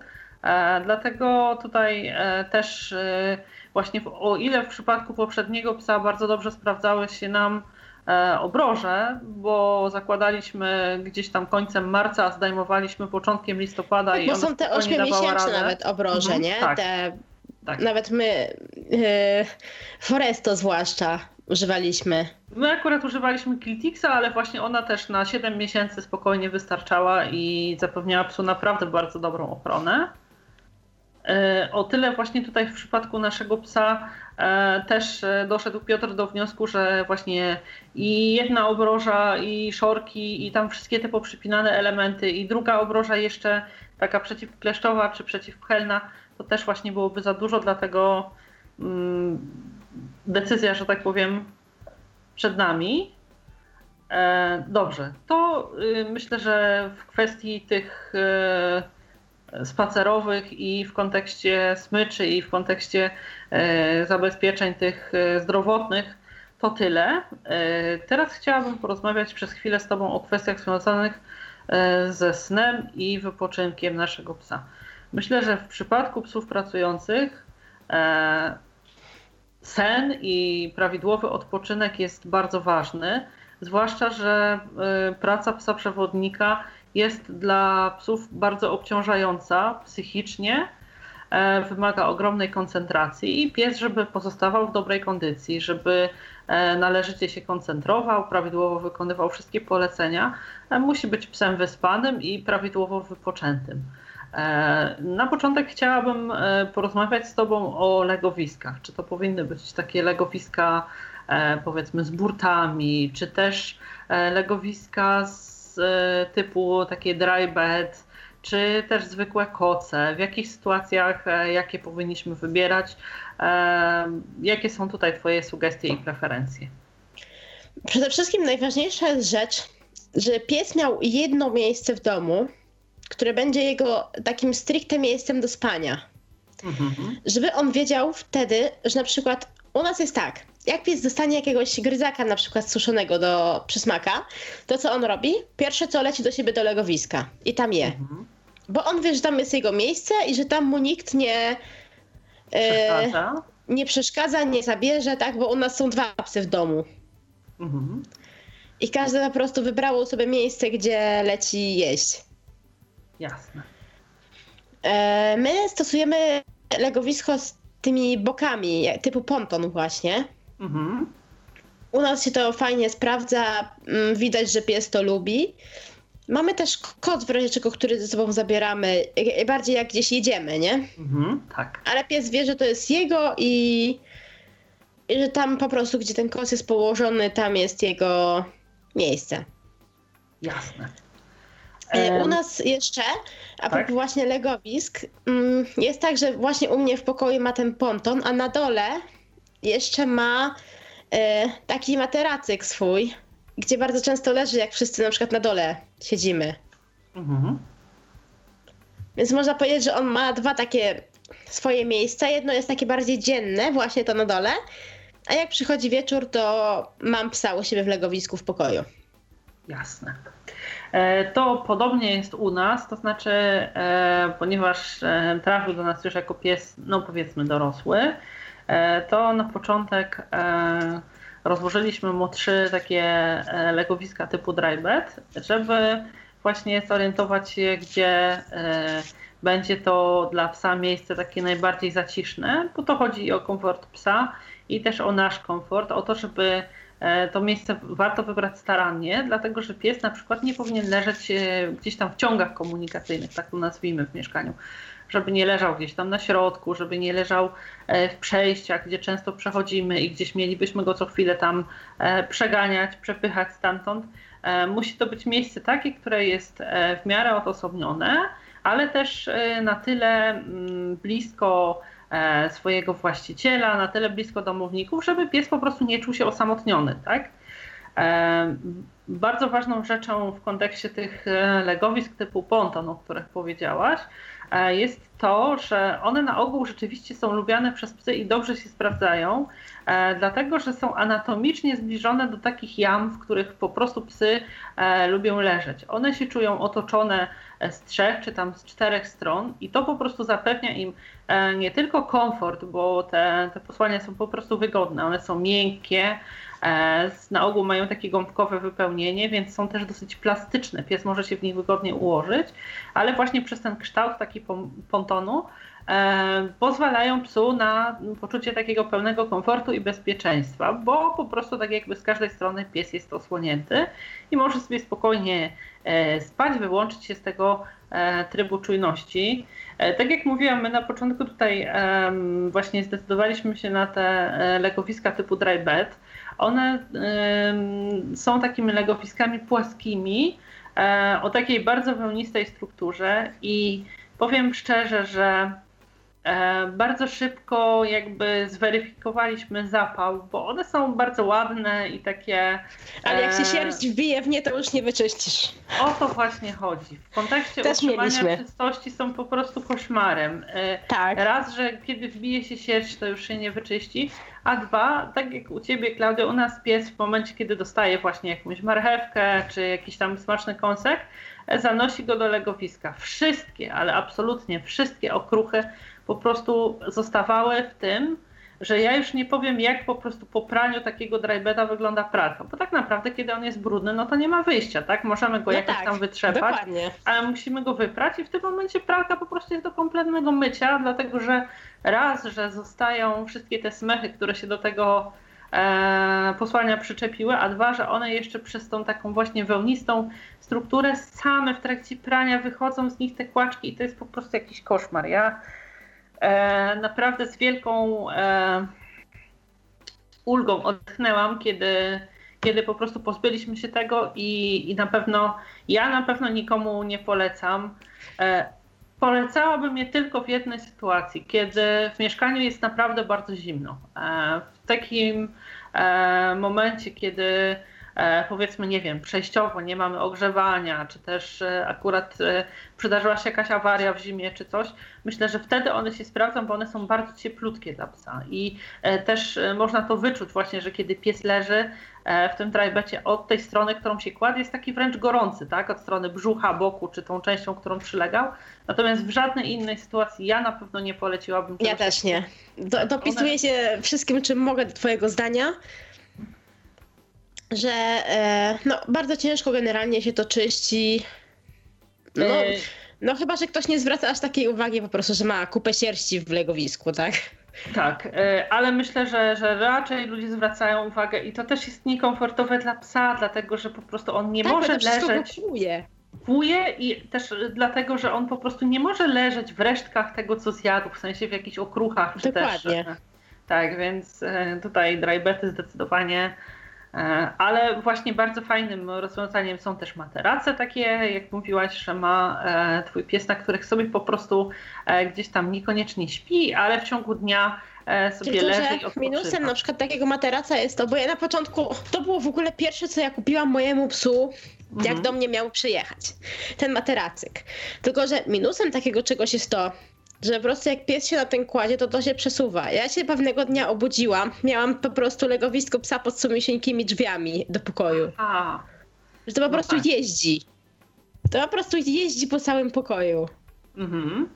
E, ale y, tu, tutaj jeszcze w kwestii tych pontonów e, dodam, że można spokojnie wybrać taki ponton, który będzie miał e, jakby inną wyściółkę na górze, a inną na dole, która będzie po prostu taka jakby antypoślizgowa i wtedy... Tak, oczywiście i wtedy nie będzie się przemieszczało razem z psem.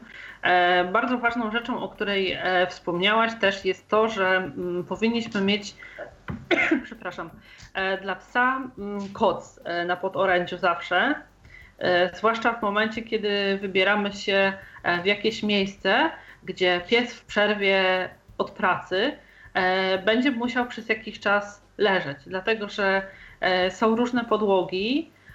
Na przykład bardzo ważne jest to, żeby w chłodne dni nie leżał pies bezpośrednio na podłogach takich marmurowych, czy też z jakichś takich kafelkowych płyt, dlatego że te podłogi bardzo się E, wychładzają i jeśli oczywiście nie, nie dotyczy to takiej sytuacji, w której pies raz położy się na krótko na takiej podłodze. Natomiast jeśli często będzie na takiej podłodze leżał, to na pewno będzie miało bardzo negatywny wpływ na zdrowie jego stawów, e, więc tutaj musimy o tym pamiętać, żeby ten kot ze sobą zabierać. To jest pierwszy e, aspekt, dla którego E, warto o tym pamiętać. I kolejna rzecz to to, o czym już mówiłaś, że po prostu jeśli pies wie, że to jest jego koc, e, nie mamy problemu z, no, w nowym miejscu z zasygnalizowaniem psa, e, gdzie powinien się kłaść, tak? gdzie powinien leżeć. Bo rozkładamy mu koc i w tym momencie on wie, że, że w tym miejscu, tutaj teraz w tych okolicznościach nowych jest jego legowisko, tak? Dokładnie. E, cóż więcej możemy jeszcze powiedzieć? Aha, e, musimy też e, zwrócić uwagę pewnie przy wyborze mm, konkretnego legowiska dla psa na to, żeby była mm, ta okrywa wierzchnia legowiska łatwa w utrzymaniu w czystości. Mówiłyśmy już o tych nieszczęsnych trajbetach, natomiast też w przypadku czy to materacy dla psa, czy to pontonów, E, powinniśmy szukać takich, z których tą e, właśnie wierzchnią okrywę będzie można w całości e, zdjąć i po prostu uprać, czy też porządnie wyczyścić właśnie z sierści, czy też innych jakichś rzeczy. Dlatego, że mm, na przykład ja teraz mm, oglądając pontony dla, dla psa, widziałam taki, który był E, który był e, zrobiony po części z e, takiego materiału, no powiedzmy nadającego się do uprania. Nie jestem w stanie dokładnie stwierdzić, jaka to była tkanina.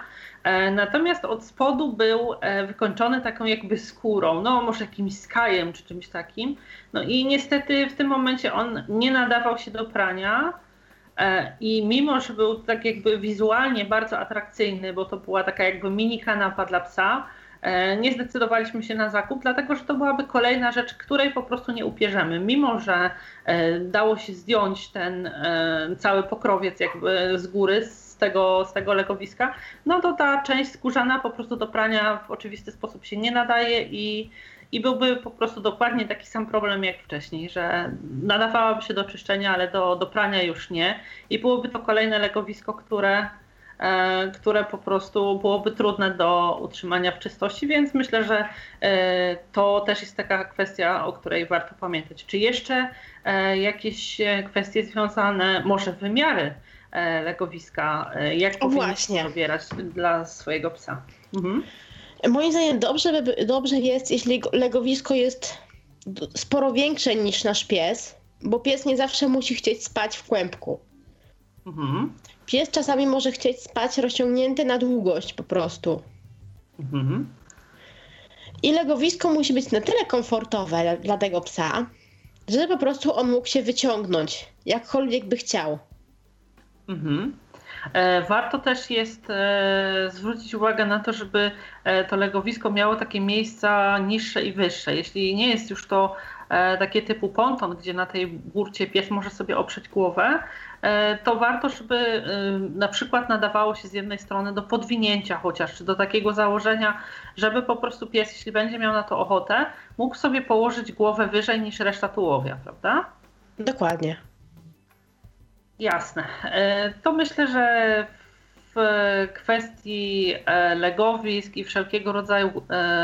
Aha, jeszcze w kontekście koców chciałabym powiedzieć o jednej takiej rzeczy, że warto jest e, szukać e, takich e, kocy, które po pierwsze będą na tyle dobrej jakości materiału, że po prostu po jednym praniu nie będą do wyrzucenia, bo musimy być świadomi tego, że te koce będą często prane, dlatego że po pierwsze będzie na nich leżał pies, który być może akurat wszedł prosto z dworu, tak, bo gdzieś przyszliśmy z nim na wykład, czy e, na jakiś, e, nie wiem, film, koncert, czy cokolwiek innego. E, najczęściej też będziemy kłaść te koce na podłogi, po których ludzie po prostu chodzą w butach, tak? bo będą to jakieś miejsca publiczne.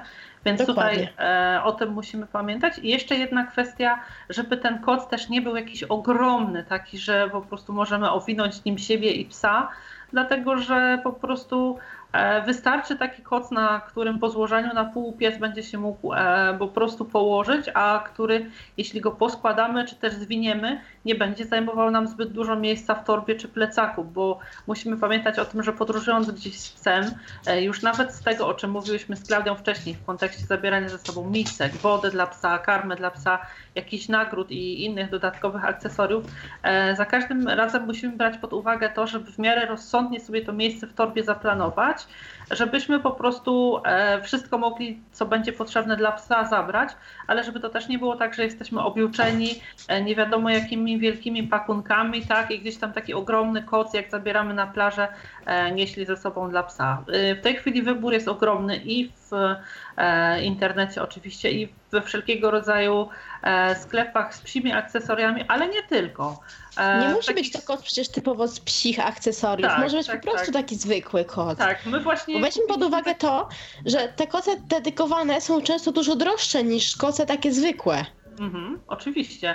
My na przykład kupiliśmy e, kilka kocy tanich, takich e, e, chyba, jeśli dobrze pamiętam, po 15 zł za sztukę e, w Pepko. Po prostu były akurat w jakiejś ofercie promocyjnej. Dokładnie. E, I po prostu mamy kilka. Jeden jest e, brudny, kolejny się bierze e, i nie ma problemu takiego, że pies jest bez koca. Zresztą przez to też, są tanie, nie ma po prostu żalu, jeśli z tym kocem coś się stanie, tak? Jeśli on się zacznie gdzieś tam zahaczony pazurem bruć, snuć i albo przez e, wielokrotne pranie po prostu w pewnym momencie trzeba go będzie wyrzucić, tak? Więc tutaj masz rację, zgadzam się z Tobą w zupełności, że, że absolutnie nie muszą to być e, koce jakichś e, znanych marek psich i, i dedykowane stricte dla psa. dobrze, to mm, jeszcze mm, przez chwilę chciałabym zapytać o te kwestie związane e, z zabezpieczaniem psa, mm, nie wiem, przed chłodem, przed e, jakimiś e, złymi warunkami atmosferycznymi. Co sądzisz na temat psich butów i psich kubraków, takich, które zakładamy psu, żeby ochronić go przed deszczem czy też przed chłodem? Ja uważam, ale to jest oczywiście tylko moje zdanie, mhm. że, zwłaszcza kubraków. Nie za, ja nie bym nie założyła psu. Mhm. Dlatego, że to jest labrador. To jest labrador, który ma sierść pod szerskiem. I naprawdę bardzo wiele by trzeba było, żeby takiemu psu było zimno. A takim kubrakiem tylko ograniczam psu yy, możliwości troszeczkę takie chłodzenia się też, nie? E, rozumiem. E, z mojej perspektywy e, ja akurat e, nie mam żadnego doświadczenia, jeśli chodzi o psie buty, natomiast kubrak generalnie w przypadku, bo tutaj jeszcze akurat z obecnym psem nie mieliśmy takiej potrzeby ani mm, takich doświadczeń, natomiast kubraka używaliśmy bardziej do tego, żeby pies aż tak bardzo nie namakał na spacerze, kiedy była bardzo brzydka taka deszczowa pogoda albo też ze śniegiem, który gdzieś tam e, bardzo psa namoczy i on po prostu później e, jest trudniejszy do osuszenia i też do umycia, bo w kubraku pies po prostu nie brudzi się tak bardzo, bo ma osłonięty i część brzucha i boki i górę. Oczywiście e, chciałabym tutaj podkreślić, że ten kubrak sprawdza się tylko w momencie spacerów tych fizjologicznych, dlatego że pod szorki po prostu nie ma mm, żadnego zastosowania i nie ma po prostu po co go psu zakładać. Zwłaszcza, że kubrak plus szorki to już po prostu następna rzecz, która gdzieś tam grzeje tego naszego psa. Tak? Jasne, tak? oczywiście, że tak. Także jeśli już, to, to tylko warto rozważyć w kontekście E, w kontekście e, zwykłych spacerów.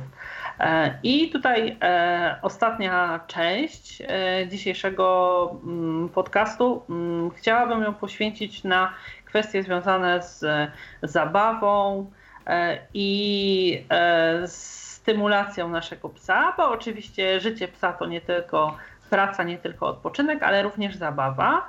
Chciałabym Cię zapytać, e, co w kwestii e, jakichś, e, może najpierw rzeczy przeznaczonych stricte do zabawy, mm, w czym warto wybierać, jakiego rodzaju zabawki mm, polecałabyś dla psa, a po jakie raczej nie warto sięgać? Przede wszystkim patrzmy na trwałość zabawek. Mhm. Chociaż to bardzo zależne jest też od psa. Tak. Ale ogólnie rzecz biorąc, po prostu patrzmy na zabawki, bo y, nasze przewodniki są dużymi psami. No i po prostu takie zabawki, które będą tam delikatne, to bardzo, bardzo łatwo zniszczą, rozgryzą, tak? Mhm. Jeden pies weźmie i wypluje szczątki, a drugi pies zje szczątki i ma problem, tak? Tak. U nas e... e dla naszego psa właśnie przez jakiś czas, zanim znaleźliśmy, e, znaleźliśmy, zanim zostały nam polecone na grupie facebookowej psów przewodników, e, zabawki odpowiednie dla naszego psa. Właśnie każdą kolejną, którą dostawał, rozprawiał się z nią w mniej, mniej więcej 5 minut i e, po prostu mm, w momencie, kiedy jednej zabawki fragment połknął, e, no najedliśmy się strachu na tyle, że e, po prostu stwierdziliśmy, że e, będzie szlaban na, na te zabawki, aż uda się znaleźć e, takie zabawki gumowe, których nie będzie w stanie E, gdzieś tam mm, pogryźć na, na strzępie, tak? Dokładnie. Bardzo różne są to zabawki. Są piłki, są jakieś wszelkiego rodzaju kości. No nie wiem, na przykład w przypadku dwóch psach fajnie, w przypadku dwóch psów Mhm. Fajnie sprawdzają się wszelkiego zabaw rodzaju zabawki, którymi mogą się pociągać we dwoje. Mhm. I to potem genialnie wygląda, jak dwa psy chodzą po całym domu po prostu z jedną zabawką w pysku i się ciągają. Albo jeden pies idzie i ciągnie drugiego po podłodze, jak takie zwłoki.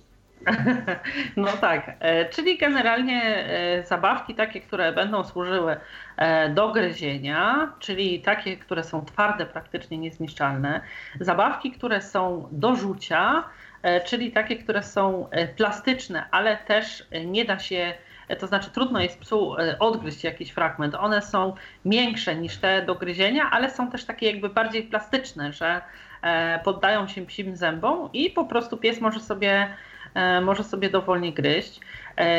I zabawki te, o których mówiłaś, tak zwane no, jakieś tam do szarpania, E, czyli takie po prostu tradycyjne liny, e, którymi i my możemy się bawić z psem i pies, jeśli ma towarzysza do zabawy i, i potrafi się z nim dzielić i bawić taką zabawką, to też e, są, mogą być bardzo fajnym rozwiązaniem.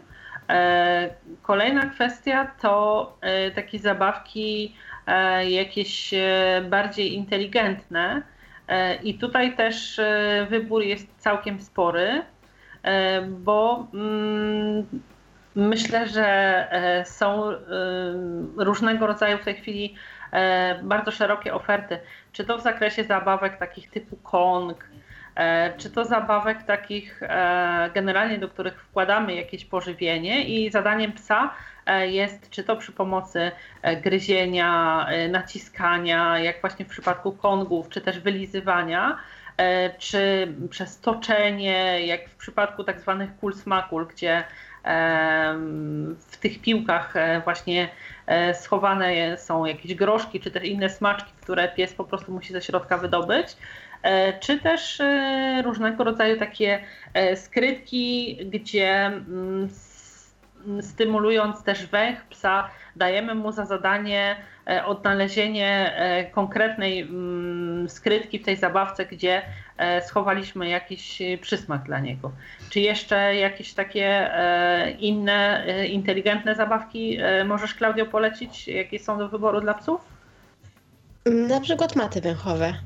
No właśnie. I mm, jednym z e, takich e, głównych powodów, dla, dla których e, poza oczywiście Twoją bardzo obszerną wiedzą e, w zakresie e, akcesoriów dla psów, e, zaprosiłam Cię dzisiaj, są maty węchowe. I ty, o ile się dobrze orientuję, dla swoich psów przygotowujesz takie maty sama. Gdybyś była w stanie E, opowiedzieć mniej więcej, jak taka mata jest e, zbudowana, w jaki sposób pies jej używa i e, oczywiście w takim najbardziej ogólnym zarysie, jak możemy taką matę dla psa przygotować. Na początek chciałam powiedzieć, że generalnie mata węchowa to jest taka mata, która ma dużo takich frędzli, w które mhm. są chowane właśnie przysmaki. E, w przypadku psów przewodników trzeba obserwować po prostu, czy taka mata nie będzie za bardzo mm, nakręcała też psa później do węszenia, nie? Więc to jest, e, moim zdaniem, każdy musi dobrać zabawki pod swojego psa. Ale friendly ale... jak? Z tych friendly robisz kieszonki, czy takie supełki, Właśnie, właśnie chcę to powiedzieć. Jasne, jasne. Bo chcę przejść właśnie teraz do budowy takiej maty mechowej. Mhm. Generalnie to jest guma, do której przywiązywane są sznurki. Takie bardziej paski polaru. Aha.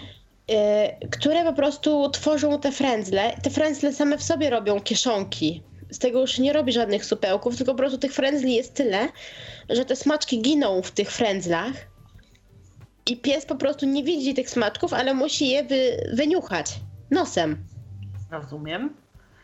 A mm, powiedz mi, e, jakiego mniej więcej wymiaru e, jest e, taka mata? Bo rozumiem, że ona musi być dosyć spora, żeby tych frędzli było na tyle dużo, żeby pomiędzy nimi gdzieś tam te przysmaki umieścić.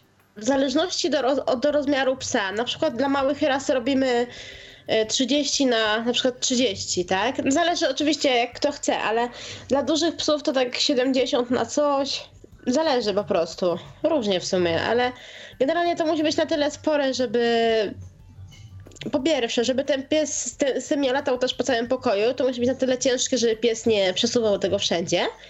Mhm. A po drugie na tyle duże, żeby ten pies po prostu trochę się namęczył szukając ziarenek. Jasne. Y, to jak y, taką matę przygotowujesz? Czy ty te frędzle jakoś przyklejasz, czy robisz nie, dziurki ja je w tej gumie? I... Nie, nie, to mhm. jest guma, która ma już w sobie dziurki. Aha. I po prostu to się wiąże na tych dziurkach w supełki. Jasne. Te, takie paski. Mhm. Rozumiem. A y, jak y, długo zajmuje Ci przygotowanie? Jak wiele czasu zabiera Ci przygotowanie takiej pojedynczej maty dla psa? W zależności od wielkości, ale w taką dla dużych psów tak dzień, dwa. Zależy Aha. ile się siedzi nad tym, wiadomo. Rozumiem. A powiedz mi, mm, jak, y, ile sztuk gdzieś przysmaków mniej więcej chowasz Uf. do... Szczerze nigdy tego nie liczyłam, ale ja zazwyczaj po prostu kruszę, żeby to były jak najdrobniejsze kawałeczki w tej macie, bo wtedy psom jest trudniej to wyniuchać i wyciągnąć. Aha, rozumiem. Więc A... ogólnie kilkadziesiąt takich kawałków przynajmniej się może zmieścić bez problemu. Rozumiem. I e, dajesz, że tak powiem, psu do odnalezienia e, wszystkie te kawałki na jedną zabawę, czy też e, kilka, czy tam kilkanaście znajdzie, zwijasz tą matę i później znowu e, za jakiś czas dajesz mu e, do kolejnego, że tak powiem, Nie, u nas, u nas zazwyczaj to się dwa psy naraz za to biorą. Aha. Więc y, nie, nie, po prostu to jest y, dawane na raz. Mhm, rozumiem.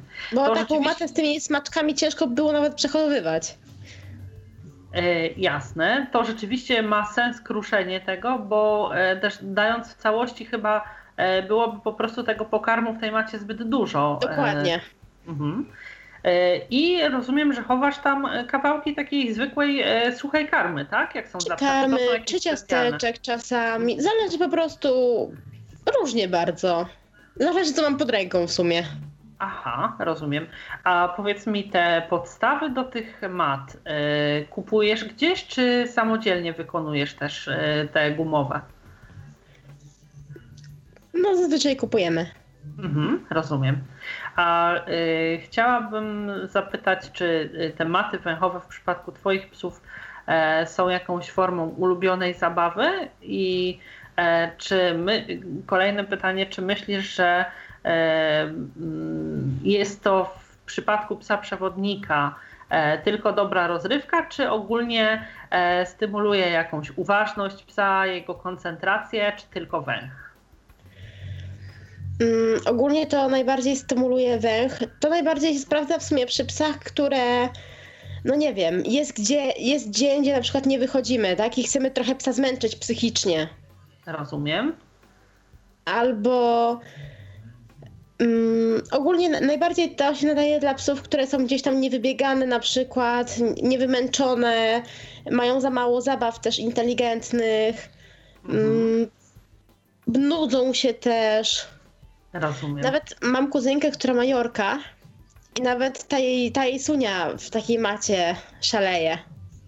Aha, czyli e, rozumiem, że nie tylko dla swoich psów e, robisz tego typu No nie. maty. Nie tylko. Mhm, jasne. A e, na jak e, długo e, planujesz taką zabawę, w sensie dla psa, czy e, no powiedzmy przez jaki, jaki czas pies może się taką matą bawić, żeby to też nie było dla niego e, zbyt męczące, tak? Znaczy ja po prostu zazwyczaj nakładam po prostu przysmaków do maty. Jak Mhm. oni znajdą te przysmaki, to jest koniec. Mhm. E, rozumiem. Dobrze. wiadomo, że w przypadku jednego psa to troszeczkę inaczej się rozkłada i dłużej psu zajmuje mm, wyszukiwanie tych rzeczy niż w przypadku dwóch psów, no bo oni też trochę tak się w pewnym sensie się ścigają, tak? Kto więcej znajdzie i kto więcej zje. Jasne. Jasne, rozumiem. E, no cóż, e, bardzo fajna, e, fajna forma. Mm, po pierwsze, dlatego, że, że pies ma świetną zabawę, że jest to dla niego stymulujące, a po drugie, myślę, że jest to też fajne dla ciebie jako właścicielki psów, że po prostu sama własnoręcznie możesz przygotować e, dla psa coś, co będzie dla niego rozrywką i co sprawi mu po prostu dużo przyjemności. I oczywiście trzeba powiedzieć to, że ta mata jest wielokrotnie, raz zrobiona mata jest wielokrotnie wykorzystywana, nie? Nie trzeba Mhm. za każdym razem robić nowej maty. Oczywiście. E, A w jaki sposób e, oczyszczasz taką matę później po, po używaniu? Najczęściej po prostu czekam aż wyschnie i wytrzepuje, e, no i można ją normalnie wybrać nawet. W Rozumiem. sensie moja kuzynka prała w misce normalnie, wrzuciła do miski Ręcznie, i ten tak? i Mhm. tak, ogólnie tak. My jeszcze naszej nie praliśmy, nie mieliśmy potrzeby. Rozumiem. E, Cóż, to w takim razie e, bardzo serdecznie mm, dziękuję Ci za przyjęcie zaproszenia do e, naszego podcastu. Ja również bardzo dziękuję. E, Bardzo się cieszę, że tutaj miałyśmy okazję porozmawiać e, o e, akcesoriach dla psów przewodników. Myślę, że ten podcast dla osoby, która ma już psa przewodnika, może być powiedzmy ciekawe w tym kontekście mm, jakimś porównania, czy w konkretnej dziedzinie znalezienia czegoś nowego. Natomiast Tutaj e, myślę, że mm, warto było go przygotować ze względu na osoby, które ewentualnie rozważają e, zostanie opiekunem psa przewodnika. E, Ale nie tylko miała... mi się wydaje psa przewodnika, bo ogólnie też dla psiarzy. Myślę, że sporo ciekawostek może być takich Jasne, porównawczo. tak, mm, Bo tak naprawdę akcesoria dla psa przewodnika to w większości są też dobre akcesoria dla normalnego domowego psa. Jakby nie, Oczywiście. jakby nie patrzeć. Oczywiście, że tak. A to rzeczywiście zgadzam się, że i w kontekście posiadacza, ewentualnie zwykłego psa i psa przewodnika, e, są też e, swego rodzaju ilustracją tego, na e, jakiego rodzaju wydatki trzeba się przygotować i e, w kontekście zakupu jakich e, ewentualnie jakichś e, akcesoriów warto rozejrzeć się wcześniej, zanim też, zanim ten pies trafi już do nas do domu. E, Dziękuję raz jeszcze. Mm, Przypomnę Państwu, że Państwa i moim gościem e, była dziś e, Klaudia Nowak. Raz jeszcze dziękuję Ci, Klaudia, za udział w podcaście. Ja również dziękuję za zaproszenie. E, Jasne. Cała przyjemność po mojej stronie. E, Kłaniam się i do usłyszenia. Ala Witek. Był to Tyflo Podcast. Pierwszy polski podcast dla niewidomych i słabowidzących. Program współfinansowany ze środków Państwowego Funduszu Rehabilitacji Osób Niepełnosprawnych.